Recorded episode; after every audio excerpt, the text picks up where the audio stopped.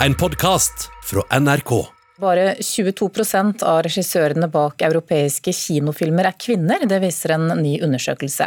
Og det påvirker bl.a. sexscenene du ser på film, mener forskere.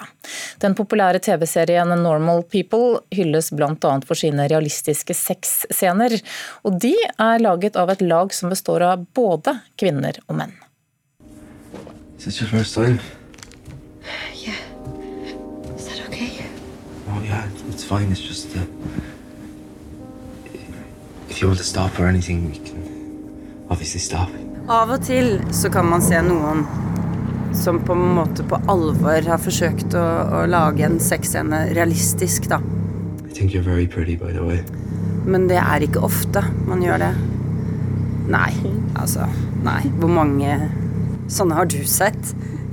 Det er jo nesten ingen. Skuespiller Petronella Barker tror mangelen på kvinner bak kamera i film- og TV-produksjoner påvirker hvordan sexscener skildres i film. Ja, jeg tror selvfølgelig så påvirkes det veldig av den som står bak kamera. Fordi alle scenene påvirkes av den som står bak kamera. Eller den, de som lager filmen, ikke sant. Så hvis det er en mann som, um, som regisserer en sexscene, så, så er jo det annerledes enn hvis det er en kvinne. En av de mest populære TV-seriene denne sommeren, nemlig Normal People, hylles for sine realistiske sexscener.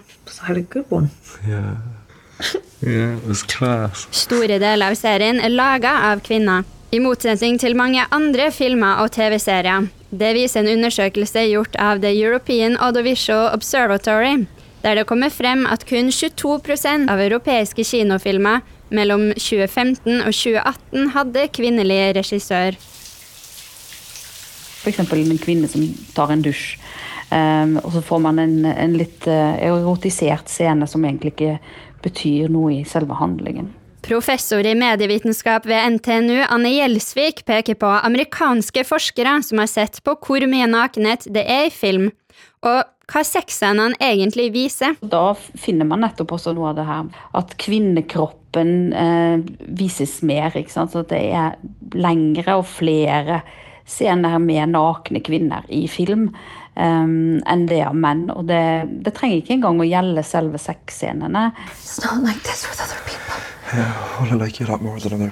Hvilke sexscener vi får se på film, og hvor mye nakenhet som blir vist, handler ikke bare om hvem som står bak kameraet. Noe med sensurordninger i ulike land å gjøre. sånn at uh, en, en, naken mann har vært eh, mer tabu å vise på, på lerret og på skjermen enn en helt naken kvinne. Hvordan man iscenesetter seksuelle opplevelser i film, blir påvirka av hvor godt teamet er satt sammen med tanke på f.eks.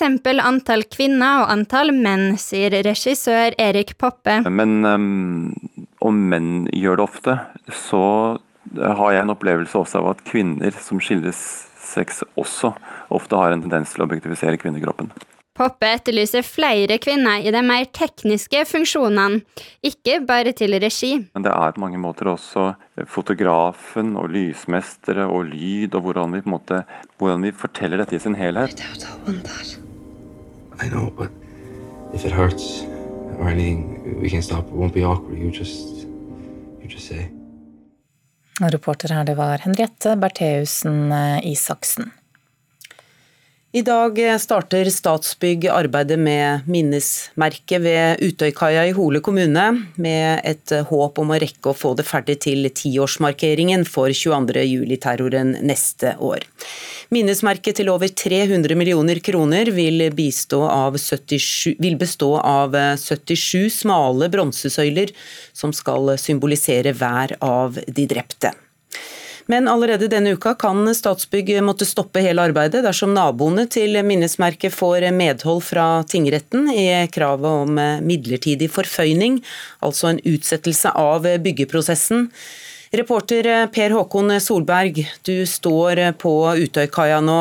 og Hvorfor ønsker naboene å stoppe denne prosessen? Ja, De mener at uh, minnestedet blir i størrelse og omfang uh, for stort. Da AUF og eh, kommunalministeren sto her og eh, fortalte at eh, kaia skulle være stedet for det nasjonale minnestedet her ved Tyrifjorden, så sa de at det skulle være et dempet minnested, altså en stor kontrast til det minnestedet som man opprinnelig ønsket å bygge på Sørbråten, ikke så langt herifra. Man skulle ta det ned. Nå ønsker man å bygge et anlegg til 300 millioner kroner, og som blir stort og som skal tilrettelegges for opptil 20 000 besøkende. Og Naboene mener at dette er ikke et minnested man lager, men mer en turistattraksjon. og Derfor så mener de at retten må eh, på plass og bestemme om dette kan få lov til å bygges, og at man kan lage et minnested i den størrelsen som er planlagt. For eh, radiolytterne våre, kan du forklare litt nærmere hvordan dette minnesmerket planen skal se ut? Ja, Vi står jo nå i bånn av eh, bakken eh, hvor alle kommer ned på, på kaia. Og så har vi denne store skrenten, som er altså nå en, en bevokst fjellskråning med ugress og bladvekster. Og hele denne skråningen skal, skal renses opp og fjernes, og så skal man flytte litt på, på nedkjøringen, slik at det er bedre tilrettelagt, slik at busser kan komme seg ned på området her med de som skal ut på Utøya. Og så har vi disse pinnene. Det er satt opp nå noen markører i bakken som viser hvor sålen for minnestedet skal være. Det skal støpes på plassen her et, et, en betongsåle. Og så skal det da settes opp 77 bronsesøyler som eh, markerer og symboliserer de som mistet livet i denne terrorhandlingen.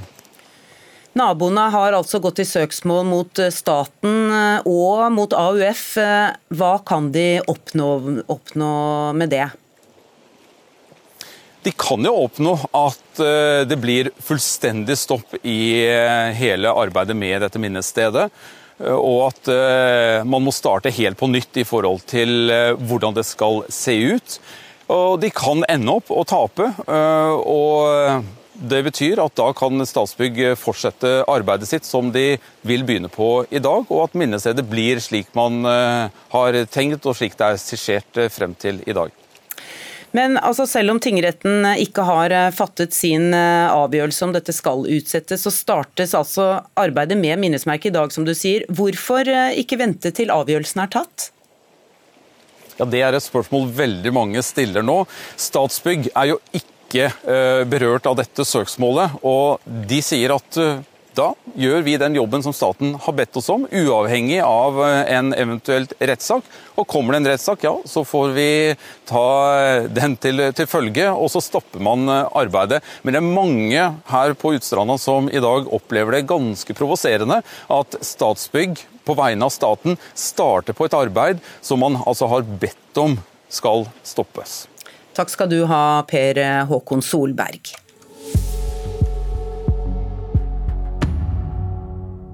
Nå skal vi snakke om eh, TikTok her i Nyhetsmorgen. Og reporter Christian Ingebretsen, du har med noe som vi skal høre på? Ja, det er lyden av en video som er laga av en av de som har flest følgere i verden på TikTok. Dette mye omtalte sosiale medier, der man ja, f.eks. legger ut videoer at man mimer til musikk, danser eller viser fram da ulike talenter. Og Videoen dere skal høre er riktignok henta fra YouTube, men er lagd av en av verdens største sosiale medieprofiler om dagen, 16 år gamle Charlie D'Amelio som har da over 75 millioner faste følgere på TikTok. Hør på dette. Hello guys, it's Charlie, and for a while you guys have been asking for me to do a room tour since I got my room redecorated for my birthday by Tav. So here I am finally give you guys a room tour. Hun viser rett og slett eh, folk rundt på eh, rommet sitt. Eh, klippet er sett nærmere 14 millioner ganger. Ja, altså, Hun viser frem da hvor hun sitter og sminker seg, blant annet her. Altså, hvorfor vi snakker om nå, TikTok er en tjeneste eller en app da, som er laga og drives fra USA, og flere politikere i USA, bl.a. utenriksministeren, påstår at TikTok gir opplysninger eh, fra eh, sa jeg USA? Jeg i Kina. Eh, og at påstår at TikTok gir opplysninger fra brukerne til kinesiske myndigheter og deres sikkerhetstjenester. Den amerikanske presidenten Donald Trump har bl.a. sagt at han vil forby tjenesten i USA. Men nå ønsker da president Trump heller at det amerikanske selskapet Microsoft skal kjøpe TikTok sin virksomhet i USA. Blir det noe av, da? Ja, Microsoft har i hvert fall ifølge nyhetsbyrået Reuters sagt at de er villige til å fortsette diskusjoner om et mulig kjøp, og for ikke så mange timer siden så meldte samme nyhetsbyrå at president president Trump har gitt eierne av TikTok en frist på 45 dager med å komme til enighet med Microsoft om et salg. Og så bør det da også nevnes at det for veldig kort tid siden begynte å komme meldinger om at selskapet ByteDance, som da eier TikTok, vil flytte hovedkvarteret sitt fra Beijing til London etter godkjennelse fra britiske myndigheter. Okay, takk skal du ha, reporter Christian Ingebretsen. Jeg vet ikke om det er mye voldsomt for sjelen på TikTok, men det skal vi iallfall få nå. For eh, koronasommeren 2020 har eh, kanskje vært litt ekstra krevende for mange, men eh, ikke fortvil. Den klassiske musikken byr på mange muligheter til å få sinnet tilbake i balanse.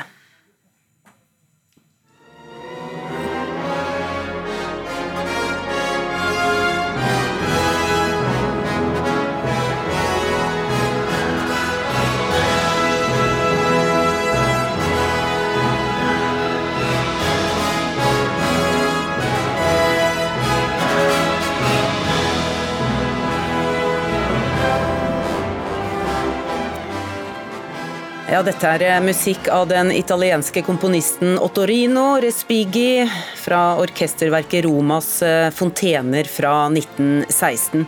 Øystein Sandvik, NRKs klassiske musikkanmelder. Hvorfor skal vi høre på dette i sommer? Nei, altså akkurat Dette verket er jo en veldig forfriskende dusj da i sommervarmen. Altså, det er en skildring av fire av Romas mest berømte fontener. Og akkurat her, den mest berømte av de alle, altså Trevi-fontenen, som mange sikkert har sett på nært hold.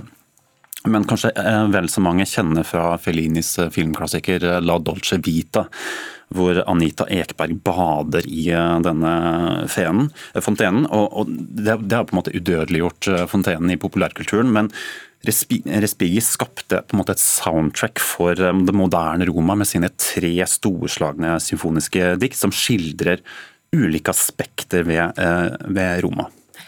Du har eh, skrevet en sak på nrk.no der du anbefaler fem klassiske musikkopplevelser som hjelper deg gjennom sommeren 2020. Hva har eh, vært kriteriene dine? Nei, du kan si Under normale omstendigheter så ville jeg kanskje ha skrevet en sak om uh, klassisk musikk som er inspirert av sommeren som årstid. ikke sant? Det finnes det mye av. Det er jo flere komponister som har skrevet musikk til Shakespeares 'En midtsommernattsdrøm' f.eks., eller som har sommer i tittelen. Men i, uh, i, og med at denne sommeren da ble litt spesiell, uh, litt annerledes for mange, så tenkte jeg at nå, nå, kreves det kanskje mer enn klassisk musikk som en form for terapi, rett og slett. Og så eller virkelighetsflukt. Så denne, for eksempel, denne musikken av Respighi kan jo da fungere som et ørlite plaster for, for alle de som fikk uh, Italia-turen avlyst denne sommeren. Vi går videre til eh, neste anbefaling, vi.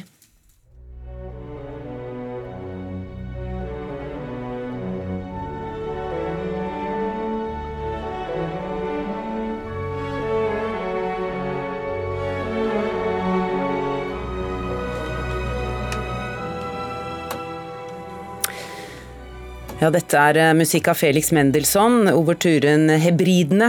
Hvordan kan den hjelpe nordmenn eh, gjennom denne koronasommeren? Altså, det er jo nok et eksempel på bruk av musikk som en slags vikarierende turisterfaring. for å si det sånn. Altså, men her er det da naturen selv som er den store arkitekten, i motsetning til Romas fontener. Um, og dette verket ble til i kjølvannet av den svært unge Mendelssohn. Han var 20 år gammel da han besøkte de britiske øyer sommeren 1829. Eh, og ikke minst da besøket til den skotske øya Staffa, som er en del av hebridene, og som er eh, kjent for denne meget spesielle sjøgrotten Fingles Cave, som er en stor hvelving som går langt innover i berget med basaltpilarer som skaper et slags sånn eh, nesten katedralaktig preg, veldig spesielt, og da med sjø ikke sant, som gulv. Og denne fantastiske romantiske overtyren som Menneson skrev, gjorde faktisk dette stedet til en av de store turist turistattraksjonene utover på, på 1800-tallet. Så det er et uh, fint alternativ til å reise ut og oppleve det førstehånds. Mm. Vi rekker så vidt en anbefaling til, vi. Ja, altså det er et lite stykke som faktisk har sommer i tittelen. 'Summerland' av den afrikansk-amerikanske komponisten William Grant Still. Uh, et ukjent navn for mange, kanskje, men en komponist det definitivt er verdt å sjekke ut uh, nærmere. Han skrev dette på 30-tallet. William Grant Steele var en dypt religiøs person som trodde på en spirituell dimensjon med menneskelivet, trodde på reinkarnasjon og et liv etter døden. og Dette er rett og slett hans skildring av paradiset. Litt drastisk kanskje som, som terapi, men uh, jeg tok det med rett og slett for det er veldig vakker og gripende musikk, og har sommer i tittelen, og ikke minst så er det en komponist som fortjener litt mer oppmerksomhet. Da hører vi litt av den til slutt.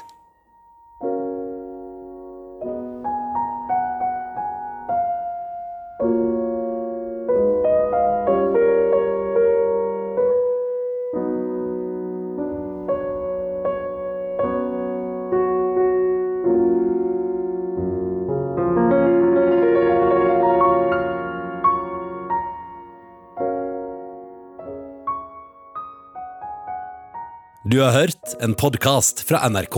Hør flere podkaster og din favorittkanal i appen NRK Radio.